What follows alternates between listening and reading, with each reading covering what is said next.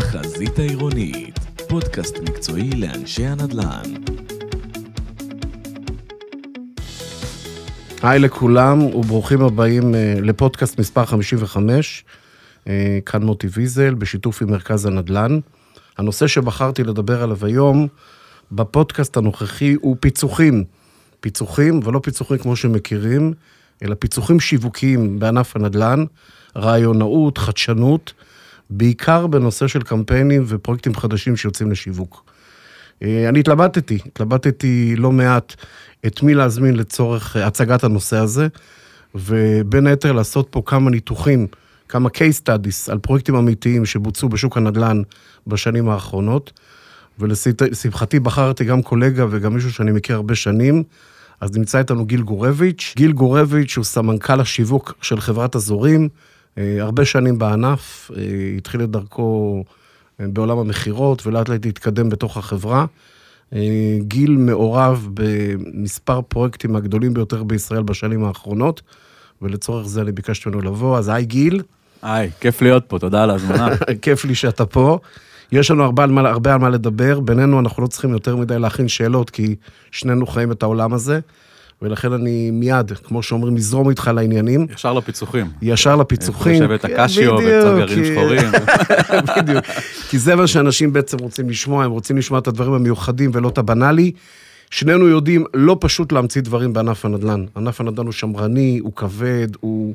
הוא אנכרוניסטי לפעמים, הוא לפעמים מאמץ חידושים אחרי הרבה מאוד עולמות אחרים, אנחנו מכירים עולמות הביטוח והבנקאות והאינטרנט והטכנולוגיה הם מאוד מתקדמים, ענף הנדל"ן הוא איטי יותר באימות שינויים. אין ספק שאתם עשיתם כמה מהלכים, שיווקים באמת יוצא דופן, אה, עוד מעט נדבר על הגדול מביניהם, כפי שאני זוכר, היו כמה. אה, אבל אני רוצה לדבר דווקא, לחזור ביחד איתך לתקופת הקורונה. אה, אנחנו בתקופת הקורונה עברנו כמה חוויות משותפות, בנושא, בין היתר בנושא נדל"ן. אה, אז נדבר אחרי זה על הפרויקט השני, אבל קודם כל אני רוצה לדבר על פרויקט שאותי באופן אישי מאוד עניין, שזה הפרויקט שלכם בבת ים. אז אני אגע בכמה מילים למי שלא מכיר ואתה תרחיב אחריי.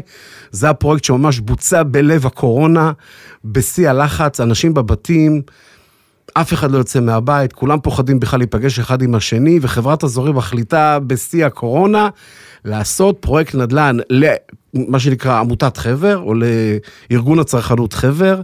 אה, איך ומה, אני לא רוצה לקחת זה, כי אתה יודע, אתה יודע יותר טוב ממני, אבל שם עשיתם באמת משהו חריג יוצא דופן, אני חושב, תתקן אותי גיל, שמאז אף אחד לא חזר על זה בשוק הנדל"ן, על הפעולה. עכשיו, את כל הפרומו הזה אני עושה כדי שתספר מה באמת היה כל כך מיוחד, באמת באמצע הקורונה, התעוזה, העזה, עזות מצח, לא יודע אפילו איך לקרוא לזה, שהעזתם לעשות את זה. אז גיל, אה, כל התשובות בכמה נכונות. מילים תספר לנו, כן, כן, אין לי ספק. נכונות כנראה, אה, אבל באמת, אני חושב שהפרויקט הזה, כמו שאתה אומר, הוא... הוא תקדימי אה, בגלל שיטת המכירה ש, שעשינו שם, שיטה שהיא מצד אחד מאוד חדשנית, מצד שני מאוד מאוד מסוכנת. אה, ומדובר בפרויקט אה, פרויקט פינוי-בינוי, פרויקט פינוי-בינוי בבת ים, שנקרא המומנט, פרויקט שבו יש 144 דיירים קיימים, ואנחנו בונים... מפונים. מפונים, ו-714 דירות חדשות, פרויקט גדול מאוד בהיקף. ואנחנו מחליטים בסוף שנת 2019, להקים את הפרויקט הזה בהינף אחד, יש כל מיני משמעויות מבחינת הבנייה, במקום לעשות אותו בשלב א', אז הדיירים מחכים ארבע שנים, חלק נהנים מדירות מוקדם יותר וחלק מקנים, אז כן. החלטנו לעשות את הכל בהינף אחד. אה, וכדי לעשות פרויקט של 714 דירות בהינף אחד, גם צריך למכור הרבה מאוד דירות אה, בהתחלה. אה, ולצורך זה חברנו למועדון הצרכנות הגדול ביותר, חבר, כוח קנייה, אולי הגדול ביותר במדינת, במדינת ישראל. אנשי הקבע של הצבא. בטח בבת אחת, אין כן, ויכוח. כן, יש להם uh, באמת uh, רפרטואר uh, גדול מאוד של הצלחות בתחום הנדל"ן בשנים שלפני המבצע הזה. והפרויקט הזה הוא פרויקט שכבר היה תפור עם חבר, סגרנו את המחיר, סגרנו את התנאים, סגרנו את הכל, אבל אז בתחילת 2020, באה אלינו uh, הקורונה, uh, וכל החלומות שלנו לעשות uh, מבצע שבו אנחנו פוגשים אלפי אנשים ומוכרים דירות, החלום הזה כבר אה, נגוז, אי אפשר לעשות אני, את זה. אני חייב רגע להחזיר אותך אחורה דווקא להתלבטות, לפני שנגיע למבצע שהוא מסקרן בפני עצמו, ואנשים בטוח ישמחו לשמוע ואולי לאמץ את זה גם אצלהם באיזושהי צורה. אתם מאוד התלבטתם בכלל אם לצאת עם חבר. נכון. כי התקופה הייתה מאוד טובה אז, ואני זוכר את ההתלבטויות שהיו לכם בכלל, ובוא נאמר באופן תיאורטי, נניח ולא היה חבר, ורציתם להניף בבת אחת מאות יחידות דיור בלוח זמנים מאוד מאוד קצר. מה האלטרנטיבה הייתה אם לא חבר, גיל? הייתם יוצאים למכירה חופשית? הייתם מוכרים דירה-דירה? הייתם יוצאים בקמפיין שפונה לכל עם ישראל? אם לא היה חבר? בסוף כשאנחנו מדברים על יעד מכירה של אה, 200 דירות מתוך, אה, מתוך המלאי, אני מוריד רגע את המפונים, אז זה פחות או יותר 600 דירות. אה, יש אפשרות לעשות את זה לבד, זה דורש השקעה מאוד משמעותית של משאבים ו- ותקציבי שיווק, ותמיד גם התוצאה יכולה להיות אה, תוצאה לא טובה. נכון. חבר נותנים לך את הביטחון הזה, שכנראה ב... אתה תדע להביא את המסה הזאת של 200, 300 דירות אה, ב-day one. כמובן שיש מחיר שהיזם משלם, והמחיר הוא חבר אה, כדי... זה לא בחינם. נכון, זה לא בחינם, והם דורשים הנחות, והנחות לא מבוטלות. אה, יש גם חיסכון של, אה, של שיווק, הרי בסוף כדי להניע את ה-300 נכון. לקוחות של חבר, אני צריך להשקיע הרבה פחות כסף, הדברים פחות או יותר מתאזנים, וזה שיקולים באמת ש- שאלה, שנעשו. כי אנחנו מדברים פה באמת עם מאזינים, אני בכוונה רגע שואל שאלות, אה, מה שנקרא צדדיות, כדי שבכל זאת ניתן טיפים לאנשים שמקשיבים. אה, כשאתה מדבר על מבצע חבר, במידה ואפשר לגלות, אה, על איזה רמת הנחות מדברים? כי זה מה שמקובל בעיקרון בשוק. חבר די, חבר די בא עם נוהל, או נקרא לזה עם שיטה, שהוא בא ואומר, בתנאים האלה ואלה אני נכנס. מה רמת ההנחות שחברת נדל"ן, אה, בוא נאמר, מתבקשת על ידי חבר לתת? על, על מה מדובר בכלל, שאנשים יבינו? אז אני יכול להגיד דבר, בגדול. דבר ראשון, לפני שעוד ניגע בהנחות, חבר הם באמת חברה אה, או ארגון מאוד מאוד מקצועי. הם לוקחים והם מתמחרים הם באמצעות שמאי חיצוני את דירה דירה בפרויקט, גם שהפרויקט הוא פרויקט מורכב, ממש יורדים לרזולוציות של הדירת גן הצדדית שנמצאת ב... כל דבר הם מתמחרים ככה שאין פה עכשיו איזה מחיר שאני זורק ו- והם מקבלים. ורמת ההנחות היא כמובן תלויה בשוק ותלויה גם במיקום, אבל זה יכול לנוע בין חמישה לעשרה אחוז, אה, ו- והעניין הוא תלוי בתקופה ובפרויקט. אה, והן הנחות רציניות, למי שמבין בשוק מאוד, הנדל"ן, הן הנחות מאוד. מאוד רציניות. וזה בתקופה טובה. נכון, ובהחלט מדובר פה, יש, חיסכ- יש חיסכון בצד שני, בכל מיני דברים שקשור לעמלות ו- ו- והוצאות שיווק, גם עלויות מימון. אבל הדברים לא מתאזנים, בסוף אתה נותן הנחה אמיתית, לא לכל ארגון דרך אגב נותנים, אבל לכוח קנייה כזה זה בהחלט משהו ש... דרך אגב, יאמר לזכות באמת חבר, בעסקאות שלהם, ההנחה היא באמת אמיתית. זאת אומרת, זו הנחה, ממש. רואים אותה בעיניים, זה לא משחק, זה לא אחיזת עיניים, זה לא שווה ערך, זה באמת כסף שאנשים רואים פחות ממה שמקובל. אבל פה אני אצלול איתך בחזרה למבצע.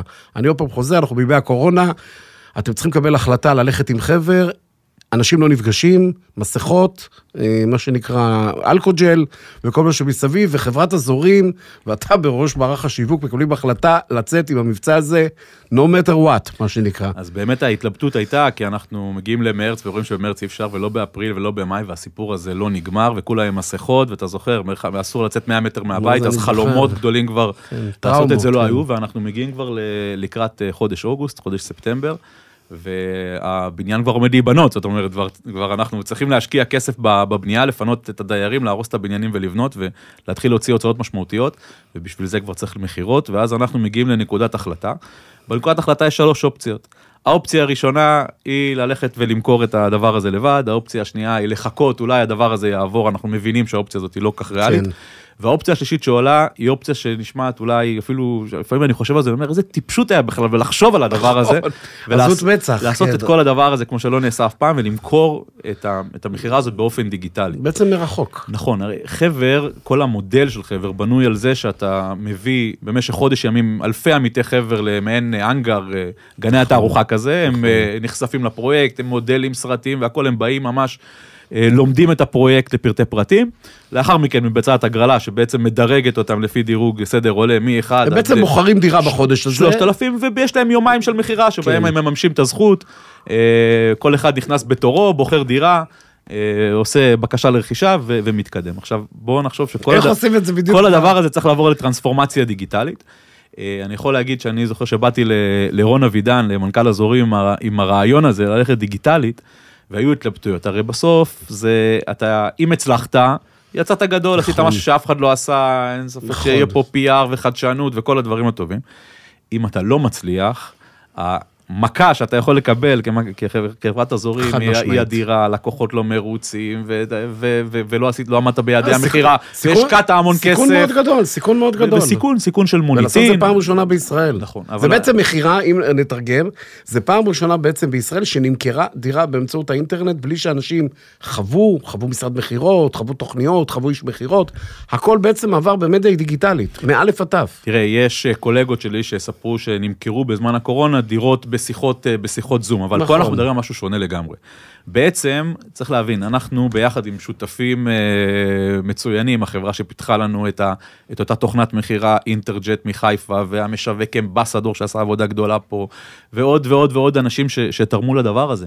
בעצם מה שעשינו, הקמנו את אותו מתחם אה, אמיתי, הקמנו אותו וירטואלית. זאת אומרת, האנשים יכלו במשך חודש להיכנס לאתר ביחד עם הדרכות של זום של עשרות אנשים שישבו מטעם המשווק, כן. ועשו להם שיחות שבעצם יצרו הכנה, בנינו אתר שבו אפשר לסובב את הבניין, להיכנס לדירות.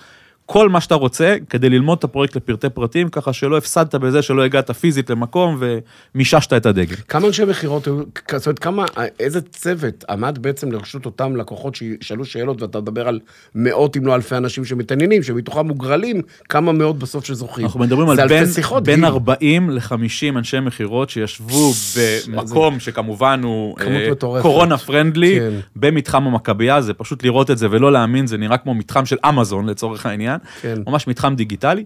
אנחנו ביצענו פה את כל ההסברה באמצעות התוכנה, אבל האתגר הבאמת גדול הוא לא האתגר הסברתי, הוא האתגר המכירתי. תחשוב שאנחנו צריכים לבצע באופן דיגיטלי, דבר ראשון להכניס את האנשים עדיין לתוך סדר, כי מי שהוגרל ראשון ומי נכון. שהוגרל 50 לא נמצאים באותו מעמד. נכון. אז צריך להכניס אותם לפי סדר, וגם אנחנו צריכים, זה צריך להיות במסגרת זמן, הרי הבן אדם במקום הראשון לא יכול להתלבט שלוש שעות, כי נכון. זה שאחריו גם צריך להיכנס ל... אז כמה זמן. הוקצה לכל אחד? אז לכל אחד הוקצו 25 דקות לבצע את הבחירה. אוקיי. במהלך ה-25 דקות האלה היית צריך גם ליצור את הקשר, תכף נדבר איך עשינו את זה, גם אה, לבחור את הדירה שלך מבין כל הדירות, עכשיו זה נחמד בדירה הראשונה, יש לך את כל הדירות, בדירה ה-300 יש כבר 299 דירות שנבחרו. נכון. אז צריך לבחור. מהמלאי הפנוי. זה מה שנשאר, כאילו. נכון, מהמלאי הפנוי, היית צריך לבצע הרשמה, זאת אומרת חתימה דיגיטלית, סליקה של דמי רצינות אה, באשראי. הכל במקום. ובסוף אפילו גם זרקנו עליך קונפטים וירטואליים, זאת אומרת גם לחגוג את, ה, את ההרשמה. ו... רגע, אנשים יצאו כרטיס אשראי, אתה רוצה להגיד בסוף השיחה על ה down payment, על המקדמה? נכון, אז בעצם איך זה, בעצם איך זה עבד, אוקיי. אתה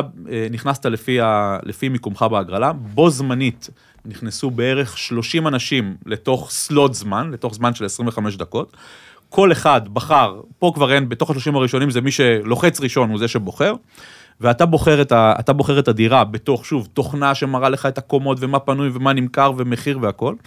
אתה מקבל הסברים, בתוך התוכנה הזאת היה גם בן אדם מולך, ממש היית יכול לראות את הבן אדם ולדבר עם בן אדם ב, ב, בטכנולוגיה שהיא דומה כן, לזום, כן. והיית יכול לשאול שאלות, זאת אומרת, מה הדירה הזאת, מה זה צופה, מה זה רואה, מה... אה, מה, זה כמו סוג של אבטאר? הוא בעצם ראה איש מכירות כמו איזה ההולוגרמה? זה תוכנה שמחולקת חלקה למסך שבו אתה רואה את איש המכירות שיושב מולך, את כן. הבן אדם, ומצד, והחלק השני שלה הוא בעצם, ה- תחשבו על הדמיה של, ה- הדמיה של הבניין, יחד בבניין מסומן מה פנוי, מה, מה נתפס, מה נמכר, אה, כל הדברים האלה. אה, כמובן היית יכול להיכנס ולראות את המחיר של כל דירה ואת ההבדל ואת הכיוון ומה כן. רואים מכל, ממש, שוב, לא הפסדת שום דבר מזה לא- שלא היית שם. מזה שלא הגעת פיזית. מזה שלא כן. היית פיזית.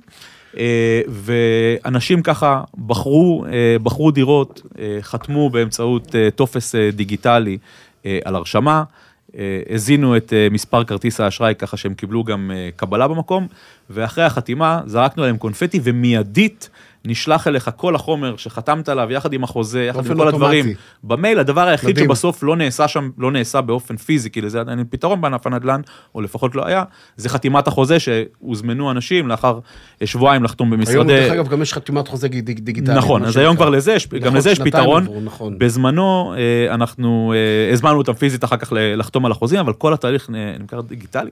תשמע, אני, אני, אני חייב לשאול אותך פה משהו, רגע, כן. אני חייב להפריע לך בקטע, כי זה די מדליק לי את הראש כל העניין הזה, ב- ב- בכמה כיוונים. א', בואו נדבר רגע על הסיכום, כמה סך הכל דירות ובכמה זמן זה לקח, גיל? כמה סך הכל דירות אז? המכירה, המכירה עצמה, התהליך של היומיים האלה, כמו שאתה אומר. זה היה 48 שעות שבמהלכם נמכרו 480 דירות.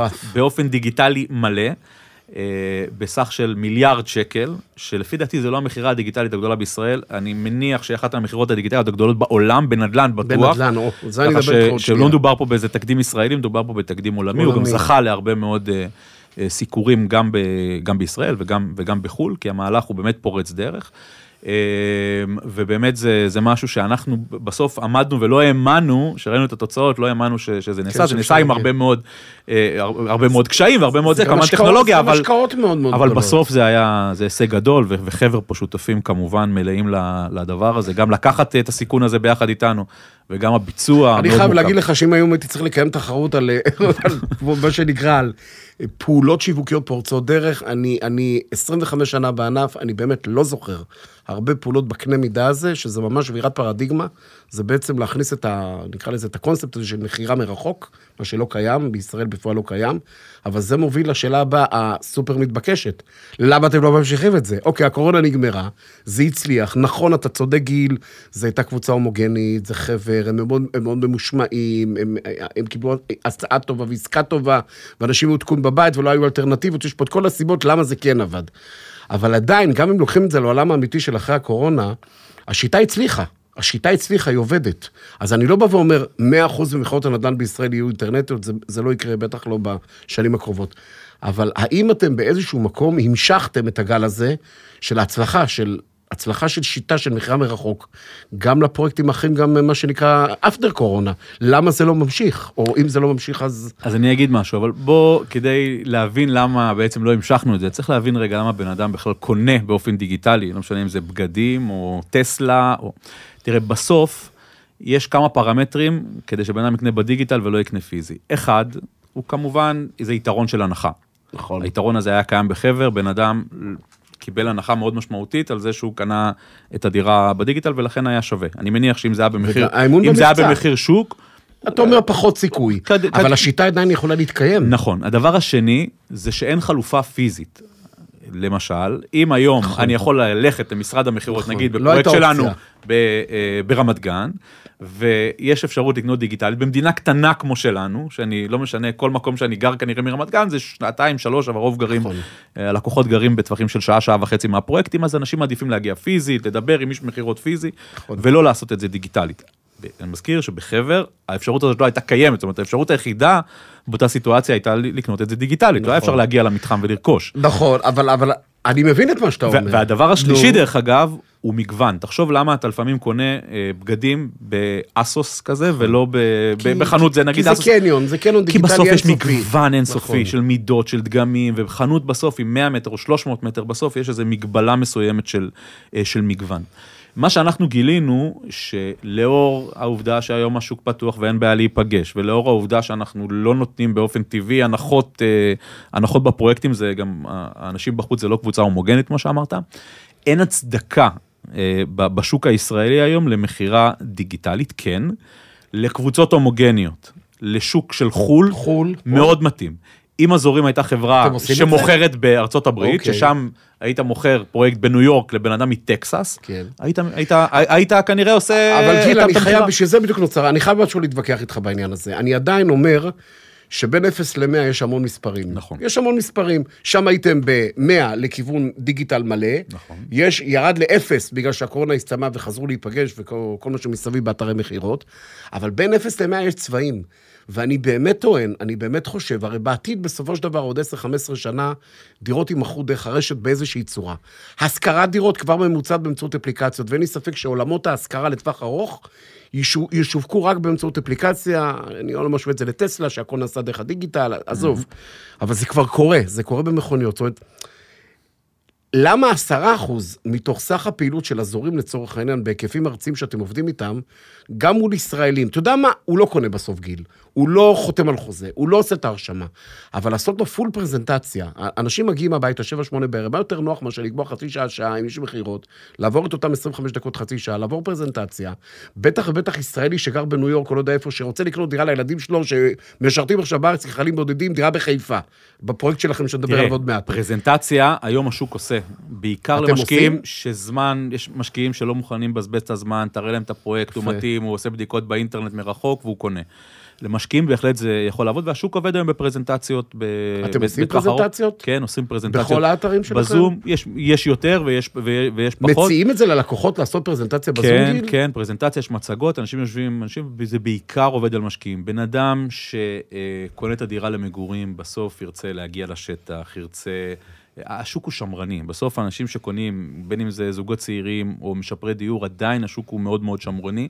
הבן אדם ירצה להגיע למשרד המכירות, הוא ירצה לראות איזה דגם, או, או הדמיה בצורה מוחשית, הוא מה? לדרוך בקרקע. דקה, אז אני עוד פעם אחזק, אני עוד פעם אקשה עליך בעניין הזה. אני בכוונה מקשה עליך כי זה, כי. עשיתם משהו באמת פורץ דרך, ואני מנסה להבין למה לא הולכים איתו all the way בעוד אחוזים מסוימים מסך המכירות. ואני אתן לך סתם דוגמה. פתחתם עכשיו פרויקט שעוד שנייה נדבר עליו בחיפה, פרויקט חדש, אה, גדול, משמעותי בתחום הפינוי-בינוי. ואני אומר, אוקיי, השקה עשיתם, העליתם קמפיין מאוד מאוד גדול בטלוויזיה, למה לא להתחיל את זה נגיד באיזשהו וובינר ענק, שקודם כל חושף את הפרויקט בקנה מידה שכל מי שעכשיו ראה את הכוכבית מוזמן בעצם לוובינר שהוא באותו רגע רואה, יכול להגיע לאתר, אבל נניח הוא הגיע לאתר וחווה את הפרויקט וראה תוכניות, עזוב אותו מעוד חמש פעמים להגיע לאתר. מאותו רגע תתחיל לנהל איתו את כל ה engagement דרך, דרך טכנולוגיה, דרך הרשת. זאת אומרת, למה אתה לא מחזיר אותו לרשת? אחי, לא צריך שתבוא יותר. באתר, היית, היית באתר, גמרנו. מפה, אתה יכול הכל לנהל דרך הדיגיטל. תראי, יש פה, יש פה הרבה שאלות. איזה שהם הס- שילובים. הסיפור של וובינארים זה בהחלט דבר שיכול לחשוף בצורה מאוד טובה, פרזנטטיבית, נ- נראית טוב וחדשנית את, ה, את, האתר, את האתר או את הפרויקט החדש. אני מזהה עדיין שגם המשקיע אוהב את הפן האישי. ולכן פגישה, פגישת זום עם פרזנטציה אה, של משהו באופן אישי, אתה... כשאתה משקיע, אתה רוצה לי- להבין שאתה תפסת פה את ה... עסקת חייך. את עסקת חייך והגעת לפני כולם, וזה משהו שאתה יכול לקבל, אבל זה שלא שמע על זה, לא יכול לקבל, וזה, וזה חלק מהפסיכולוגיה הזאת של, של פריסיילים או מכירה מוקדמת, ה- הפן, אותו- הפן האישי הזה, אבל, אבל בהחלט טוען ש- וובינארים, גיל, גיל, הוא- אני, הוא- אני באמת חושב שצריך להיות פה... הוא משלים, הוא לא- באמת, דווקא בגלל שעשיתם ניסיון, וניסיון חיובי, ואני מקזז את הקורונה, אמרתי קודם, אני מקזז את הכל.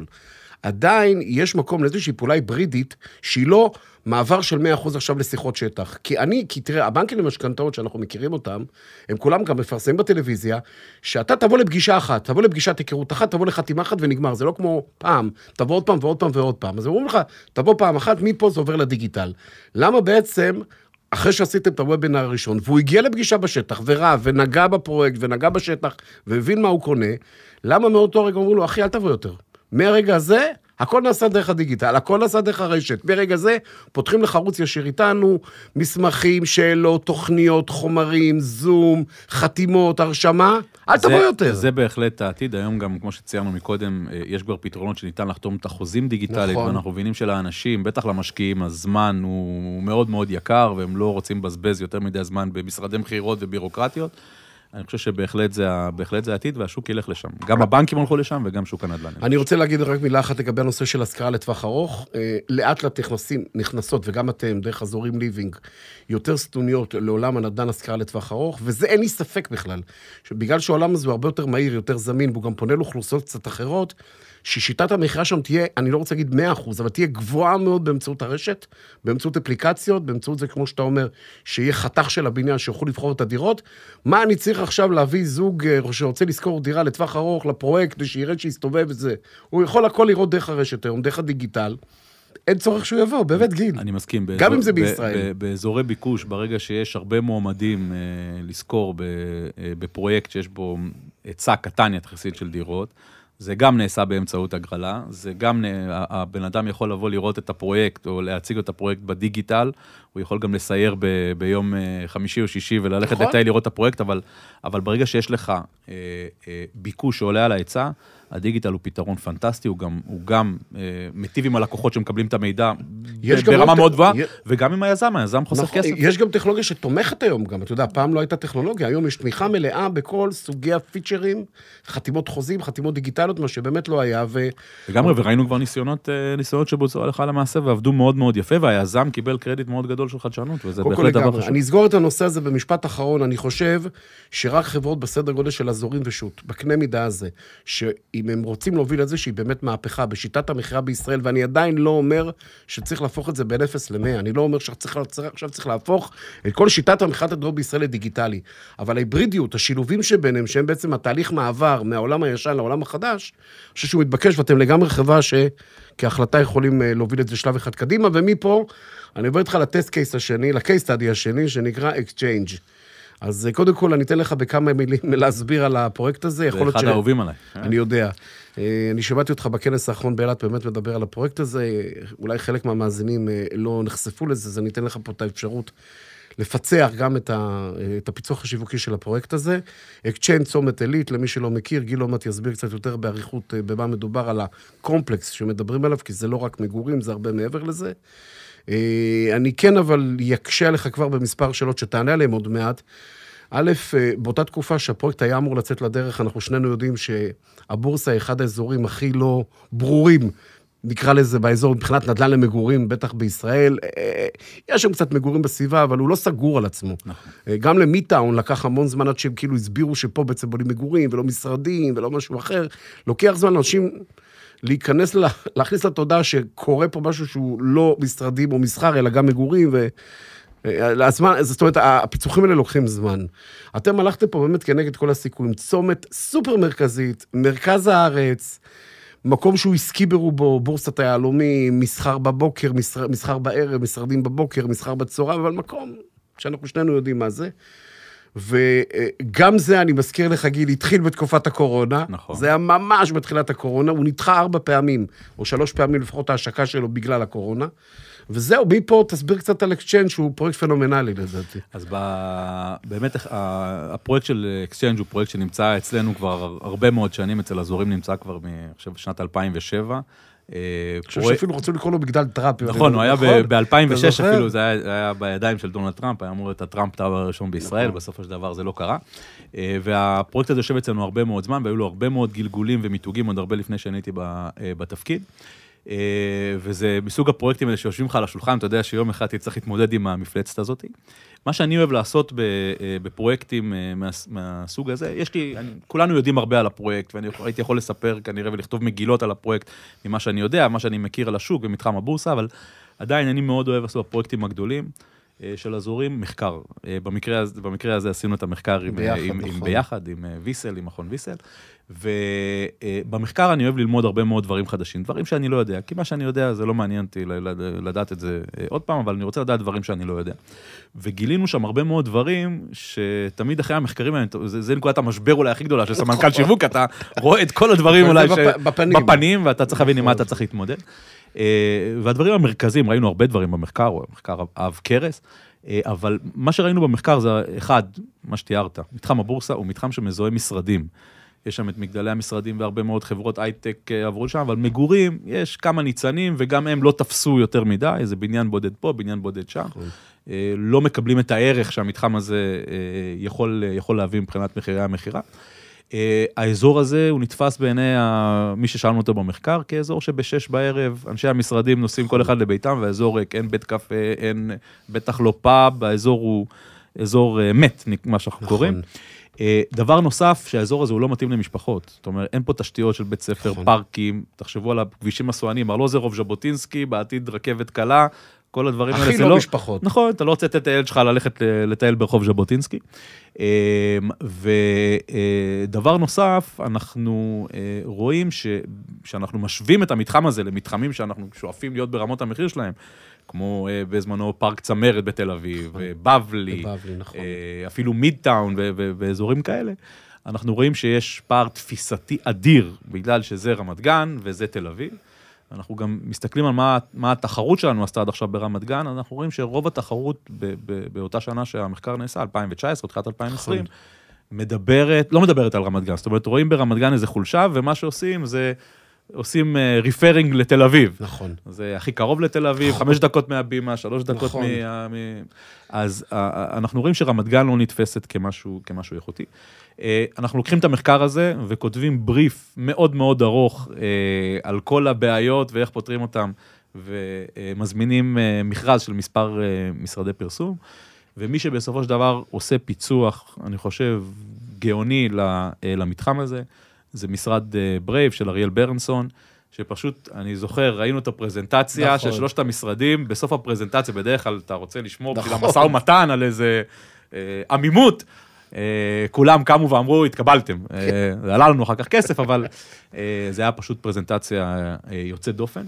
ובעצם, אה, מה, ש, מה שברייב אה, באו ועשו פה, הם אה, טענו שלמתחם הזה יש את כל מה שמתחם צעיר, בועט ובינלאומי, אה, יש פה את כל הפרמטרים כדי להפוך את המתחם לדבר אז כדי כזה. שאנשים שמקשיבים יבינו, הרי אמרת זה שזה לא רק מגורים, אז תסביר בכמה מילים מה יש שם עוד שזה לא מגורים, אני יודע, פשוט חשוב שישמעו את זה אוקיי, אז ה- ה- המתחם הזה בעצם, לימים קומפלקס של כמה קומות מגורים? הוא, יש פה בניין אה, יוצא דופן שיאסקי תכנן, בניין משרדים ששייך לאזורים 55 קומות, 355 דירות, עם דירות שהן בתמהיל אה, מאוד ייחודי, כי רוב הדירות שלנו הן דירות שלושה חדרים, וחלק מהדירות הן ארבעה חדרים. בניגוד לבניינים שאנחנו מכירים לרוב, שזה ארבעה, חמישה, ואולי אפילו שישה חדרים היום, כן. התמהיל פה הוא דירות קטנות. ולצידו יש מגדל משרדים אה, של חברת אה, מגדל, מגדל, כן. אה, שהמגדל הוא מגדל של 50 קומות, שמיועד ל, אה, לפירמות אה, גדולות, הם מייעדים אותם להשכרה לפירמות גדולות, והבניינים, הם, שניהם תוכננו על ידי משרד יסקי, אבל מדובר פה על שני יזמים שונים. קיבלנו החלטה, לימים החלטה מצוינת, ללכת ביחד. למתג את הפרויקט ביחד, על אף שמדובר פה על שני גופים שונים, לא שותפות, אה, וליצור פה איזשהו מתחם של עירוב שימושים אמיתי, עסקים ליד מגורים, ובתחתית יש אה, מסחר. שטחי מסחר. נכון. אה, פנאי. ב- היום אנחנו רואים מתחמים של עירוב שימושים, זה, זה, זה, זה, זה דברים ש, שקורים. בשגרה בכל מקום, נכון. אבל רק לפני שלוש שנים זה לא היה דבר טריוויאלי למתג, אה, למתג עירוב לא, שימושים. זה, זה חשוב מה שאתה מעלה, כי הרבה בארץ מדברים על עירוב שימושים, ולא תמיד מבינים שחלק מהעירוב שימושים שמדברים עליו, הוא הרבה פעמים לא באותו בניין, הוא עירוב שימושים ליד. נכון. יש פרויקטים בארץ מעטים מאוד של עירוב שימושים, אז נכון שיש משרדים ליד מגורים, ויש, משרדי, ויש פנאי ליד מגורים. פה זה קומפלקס שבעצם מכיל בתוכו את הכל, זאת אומרת, זה כאילו בניין משרדים, בניין מגורים, ובאמצע ביניהם החיבור הוא בעצם של מסחר ופנאי בהיקפים מאוד מאוד משמעותיים, ב- וחיבור לרכבת הקלה. אנחנו באותם ימים, גם היה לנו ניסיון פנטסטי בהרצליה הילס, שזה פרויקט ש... נכון. שעשינו, ששם, שוב, זה לא באותו בניין המגורים והמשרדים, אבל זה נכון. אחד לצד השני, אותו, אותו יזם, יחד עם פנאי, יש שם בריכה וכל הדברים, וראינו שהמתחם הזה הוא, הוא אחד זה, המיתוגים, נכון. כן, עם עופר, השותפים, אז ראינו שזה אחד המתחמים המותגים היום אולי הכי נחשבים נכון. עד היום, ויש לנו ניסיון מאוד מאוד טוב בזה, הבנו את הכוח של זה. עכשיו, כשאנחנו הסתכלנו על, ה, על הפרויקט, או על מתחם הבורסה, עוד לפני הפרויקט, ראינו אולי שזה המתחם עם הצפיפות המגדלית הכי גדולה ב, בישראל, וזה הכי דומה למה שיש בניו יורק ובטוקיו ובסינגפור ובלונדון, ולשם, ולשם ברייב לקחו בעצם את, ה, את הסיפור המיתוגי לאיזה, ל- לרמה הבינלאומית כן. אה, הזאתי, ויצרנו מתחם שהוא מתחם צעיר, בועט, חדשני, ומדבר רמת גן. הפרויקט קוראים לו Exchange רמת גן, המילה תל אביב תיאמר בפודקאסט הזה, אבל היא לא נאמרת. זה נכון. במותג הזה, בשפה אני התקשורתית שלו. חושב, גיל, שזה הפרויקט הראשון, אתה אמרת את זה בפתיח של החלק של ה-case study הזה, זה הפרויקט הראשון שאני מכיר אותו, וגם אתה, שהוא נמצא ליד תל אביב, צמוד לתל אביב, ולא השתמש פעם אחת במילה תל אביב. שזה מאוד מאוד יוצא דופן. אתה אמרת את זה נכון, כמעט אין פרויקט, ואני לא אנקוב בשמות, שאמרו, אה, אה, מה שנקרא... בפאתי תל אביב, בצמידות לתל אביב, חמש דקות מתל אביב, עשר דקות מהבורסה, עשר דקות ממתחם הקאמרי, או לא משנה מה, אתה, אתה מאוד צודק, זה אנחנו נטו לקחנו, דאבל לקחנו. הימור על מתחם הבורסה, אני מזכיר, מתחם הבורסה, וגם אה, לא ציינתי, אבל הראו את זה במחקר, מתחם שעדיין נדבק בו מוניטין, שהוא מאוד בעייתי לשחרר אותו, על אף שהוא נכון, היום נקי מכל נכון. ה... מכל הג'אנק שהיה שם, אבל הוא עדיין מתחם שבטח המבוגרים מאיתנו זוכרים מה היה שם לפ- רק נכון. לפני 10 ו-15 שנה. אה, ואנחנו הלכנו למתחם הבורסה ואמרנו שהפרויקט הזה, על שני מגדליו, הולך למתג את כל מתחם הבורסה מחדש, נכון. ולהפוך אותו למשהו שאנשים ירצו לבוא, לא רק לעבוד בו, אלא גם לגור בו. כן, נחשקות. ואני יכול להגיד שאחד השיחוקים הגדולים, חוץ מה brand המאוד מאוד יפה של Exchange והמגדל וההדמיות וכל הדבר הזה, היה אה, מי שהבאנו אה, כדי אה, להיות נועה. הפרזנטור של כן, המהפכה הזאת.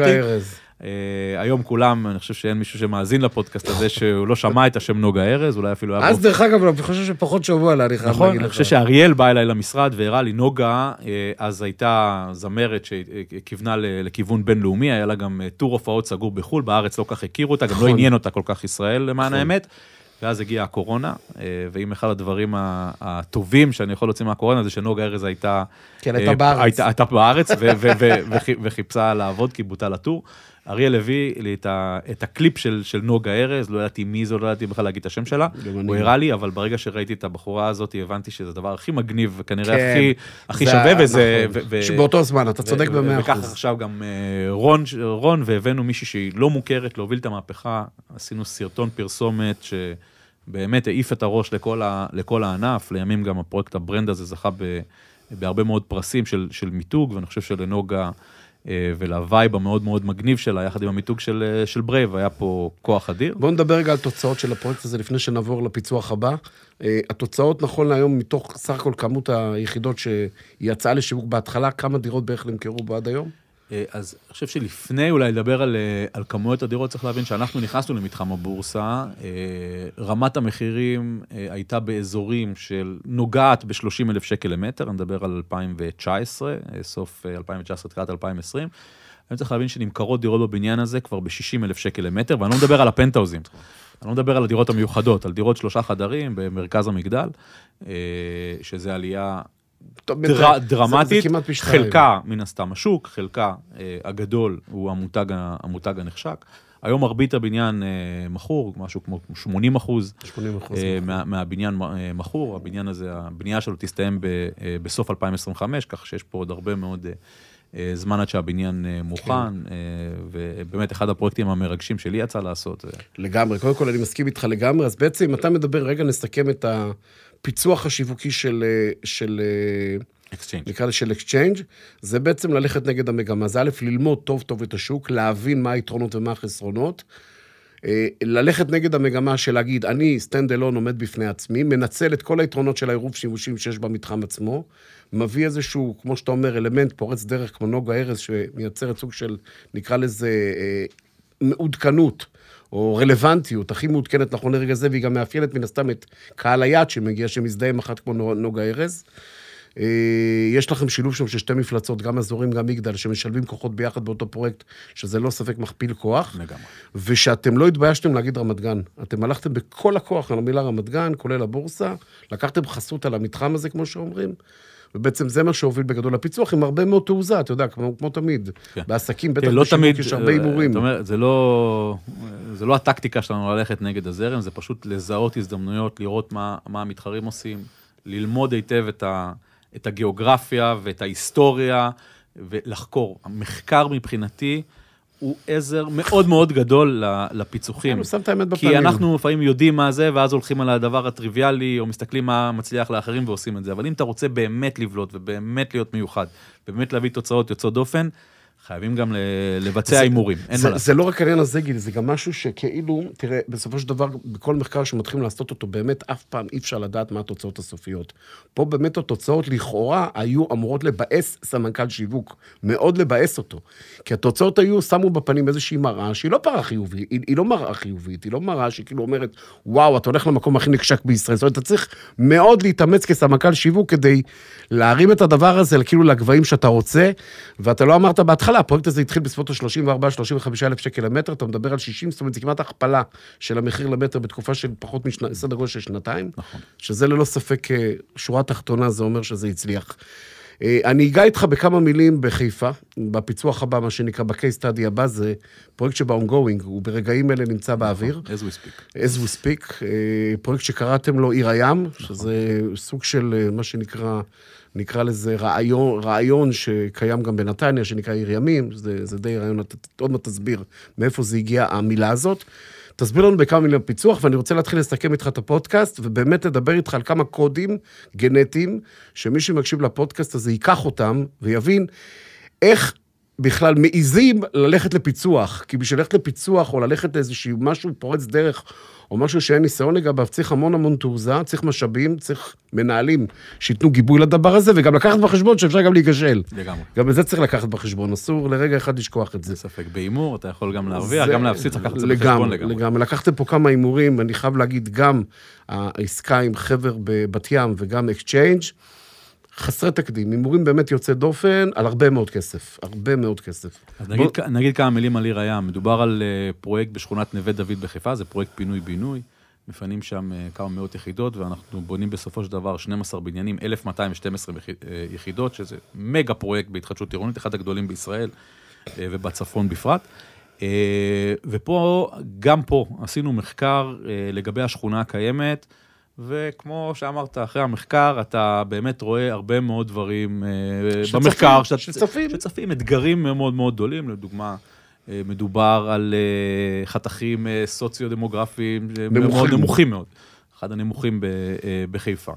אה, אתה מבין שהאזור הזה של, אם אתה מנתח את חיפה, אתה רואה שכל הפרויקטים הכי שווים, הכי טובים בשנים האחרונות הם על הכרמל, נכון. ולא למטה. הים נכון. עצמו הוזנח שנים בחיפה. נכון. נכון. המבואות הדרומיים של, של חיפה, אתה רואה פה בניין חדש, שם בניין חדש, אבל הכל זה. בנייני רכבת. וכשאתה מסתכל על זה, אתה אומר, איך אני הולך עכשיו לשנע לפה 1,200 משפחות חדשות. חיפה היא מגירה שלילית.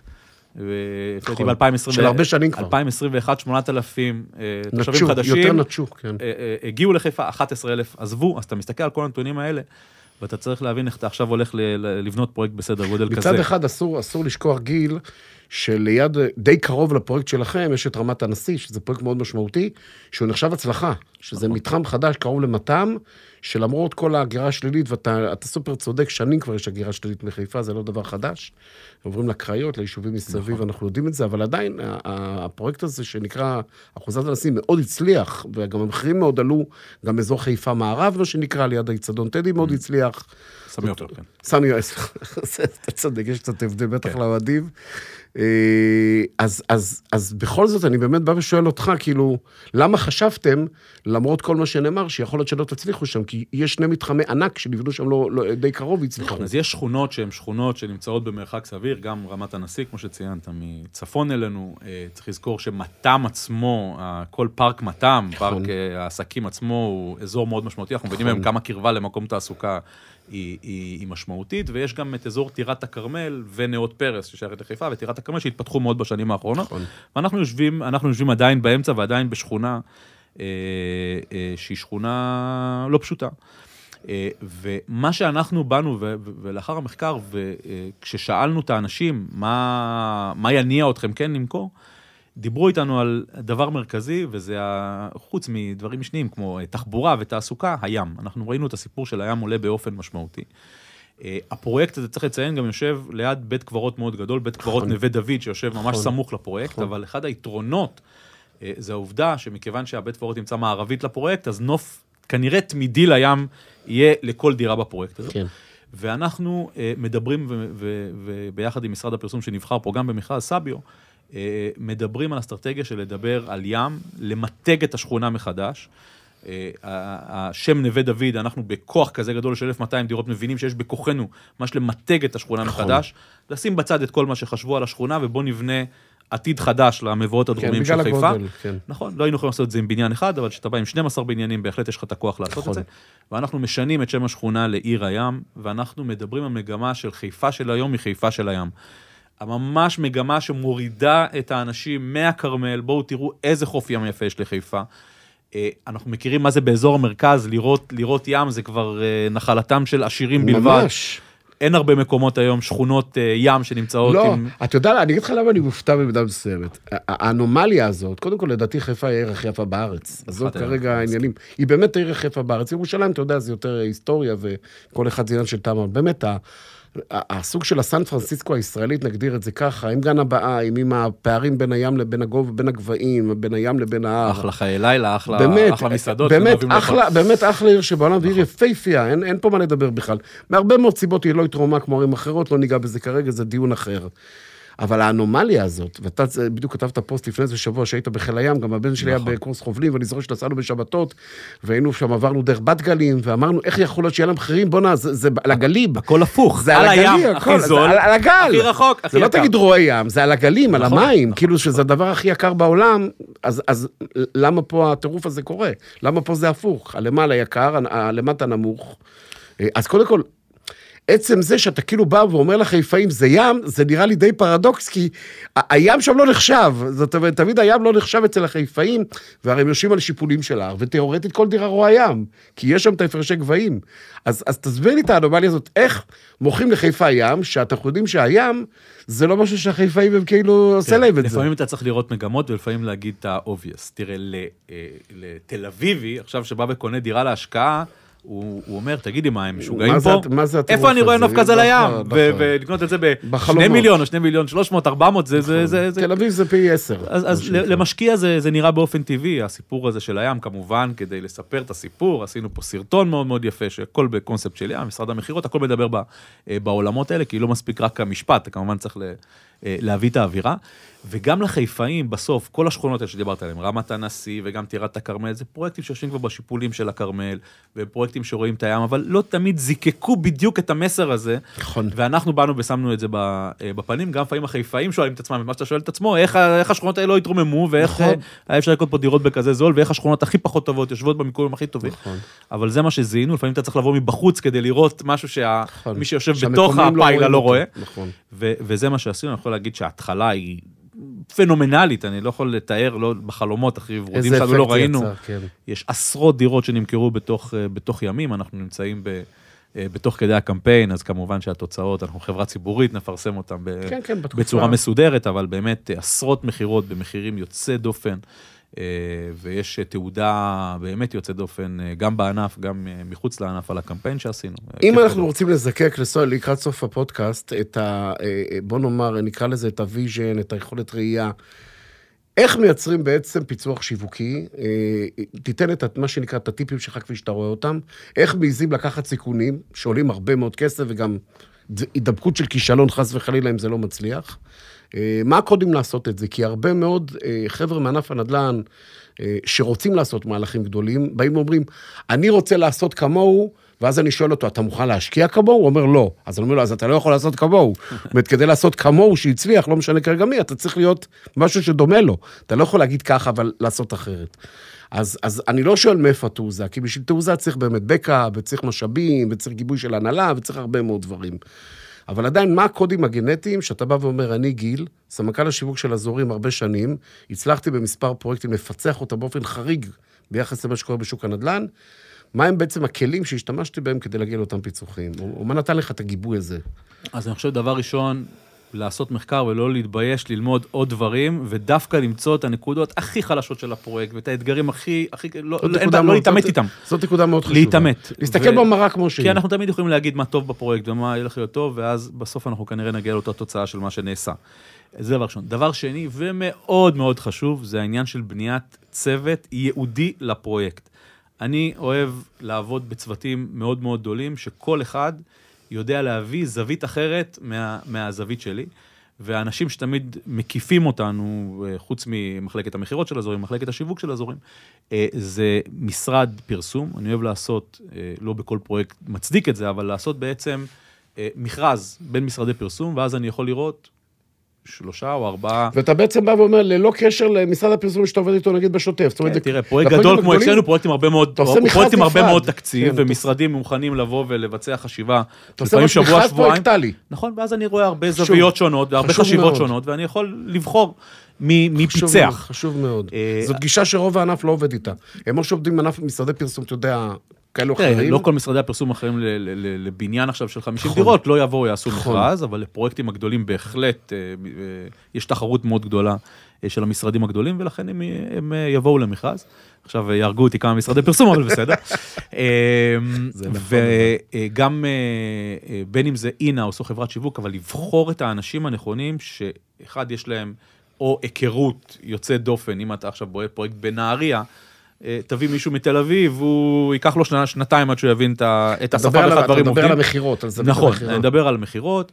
אה, אני תמיד אה, אוהבים להתייעץ עם אנשים בשטח, אנשים שמכירים, אנשים שיודעים לתת לך איזה זווית מקומית, אה, או איזה משהו שאתה לא רואה ביום-יום, ואין ספק שחברת שיווק או, או אנשי אינהאוס, הם חייבים להיות חלק מצוות החשיבה המקדים, ולא לזרוק להם מיתוג ו- ומחירים ו-. והדמיות ותתחילו לעבוד. אה, גם יחסי ציבור, יחסי ציבור אה, זה משהו שגם אנחנו בוחרים אה, ממש ממש בקפידה נקודתית לפרויקט. פר פרויקט. נכון, נקודתית לפרויקטים הגדולים, ממש נקודתית פר פרויקט, מי שיודע לטפל, למשל באזור ירושלים זה מדיה אחרת לגמרי, ואנחנו עובדים עם משרדים מקומיים, אה, אבל בהחלט זה חלק מהצוות, והצוות הזה ממש, הוא נפגש שאנחנו מכינים את המיתוג וממש נפגש ברמה לפעמים הש- השבועית, החודשית, מכינים ביחד איתנו כל הצוות, כל אחד אומר את דעתו, ובסופו של דבר בסוף צריך לקבל את ההחלטות, אבל אני בעד לשמוע הרבה מאוד דעות ולהביא אנשים שחושבים אחרת ממך. כי להביא יסמנים זה חוכמה קטנה, להביא אנשים שלפעמים אומרים לך, לא, פה אתה טועה, תסתכל, יש לי רעיון אחר, אה, וזה חלק, מה, וזה חלק מהעניין. ובעניין עצמו של, דיברת על סיכונים והצלחות, תמיד צריך לקחת, תמיד ש- זה טוב שיהיה אה, מנכ"ל שהוא, אה, שהוא גם ב-DNA, שיודע לקחת את, ה, את הסיכונים. אה, ויודע גם להעיר הערות, רון, במקרה. שלנו, רון אבידן, מגיע מהעולמות של השיווק, וגם יודע לקחת סיכונים, אבל גם יש לו הרבה מאוד תובנות טובות, ואני לומד ממנו הרבה. וזה גם דבר שהוא, שלא רע שיהיה. כזה. ובסופו של דבר גם לקחת את הסיכונים, להשתדל לא לעשות את מה שעשו כבר. קחו סיכונים, הסיכונים צריכים להיות מחושבים, ברגע שיש לך צוות גדול אז הוא גם יודע להגן עליך מלעשות כנראה שטויות, נכון. אבל לא לפחד לקחת סיכונים וללכת אה, אה, 30-40 מעלות אה, ימינה או שמאלה, ואז באים התוצאות הגדולות, הפיצוחים מאוד- הגדולים לא, והפרויקטים לא, היפים. מאוד חשוב מה שאתה אמרת. אתה נגעת פה בשישה, שבעה טיפים מאוד חשובים, מי שאפילו לא יאזין לכל הפודקאסט, ויקח רק את השישה, שבעה האחרונים, עם כל הפרמטרים שבנית אותם, ממצב של מחקר ועד גיבוי של מנכ"ל, ודרך לקיחת סיכונים, ואנשי מכירות, ואנשי מכירות ייעודיים שמותאמים לפרויקט, אבל בעיקר אתה אמרת, וזה נורא חשוב. לא לחשוש לקבל, או לא לחשוש להזמין דעות מנוגדות, שזה משהו שהרבה מאוד אנשי שיווק בכלל צריכים לשמוע את זה, לחפש את הדעות המנוגדות, לחפש את, ה, את, ה, את, ה, את הלא שגרתי, לחפש את מה שלא מוכר, לחפש, את- לחפש את הביקורת, לחפש דווקא את הגישה הביקורתית. דווקא זה מה שמאתגר את הקבוצה, וזה לא פחות חשוב, כי באמת, שנינו יודעים, האמת לא נמצאת אצל אף אחד, אף אחד לא חתום על השכל, ולכל אחד יש את הזווית שלו. בסוף המיקס הזה, בוא נאמר, השקשוקה הזאת של הדעות, בסוף היא זאת שממנה מביאים את, ה, את הפיצוח. לגמרי. אז קודם כל, תודה רבה, תודה רבה לשיחה הסופר מעניינת הזאת, אני מקווה שגם אנשים יענו כמוני, אני מקווה שגם אתה נהנית, גיל. נהניתי מאוד. אז אה, תודה רבה על השיחה, ונתראה בפודקאסט הבא. תודה לך. תודה לך, ביי, גיל. מוטי.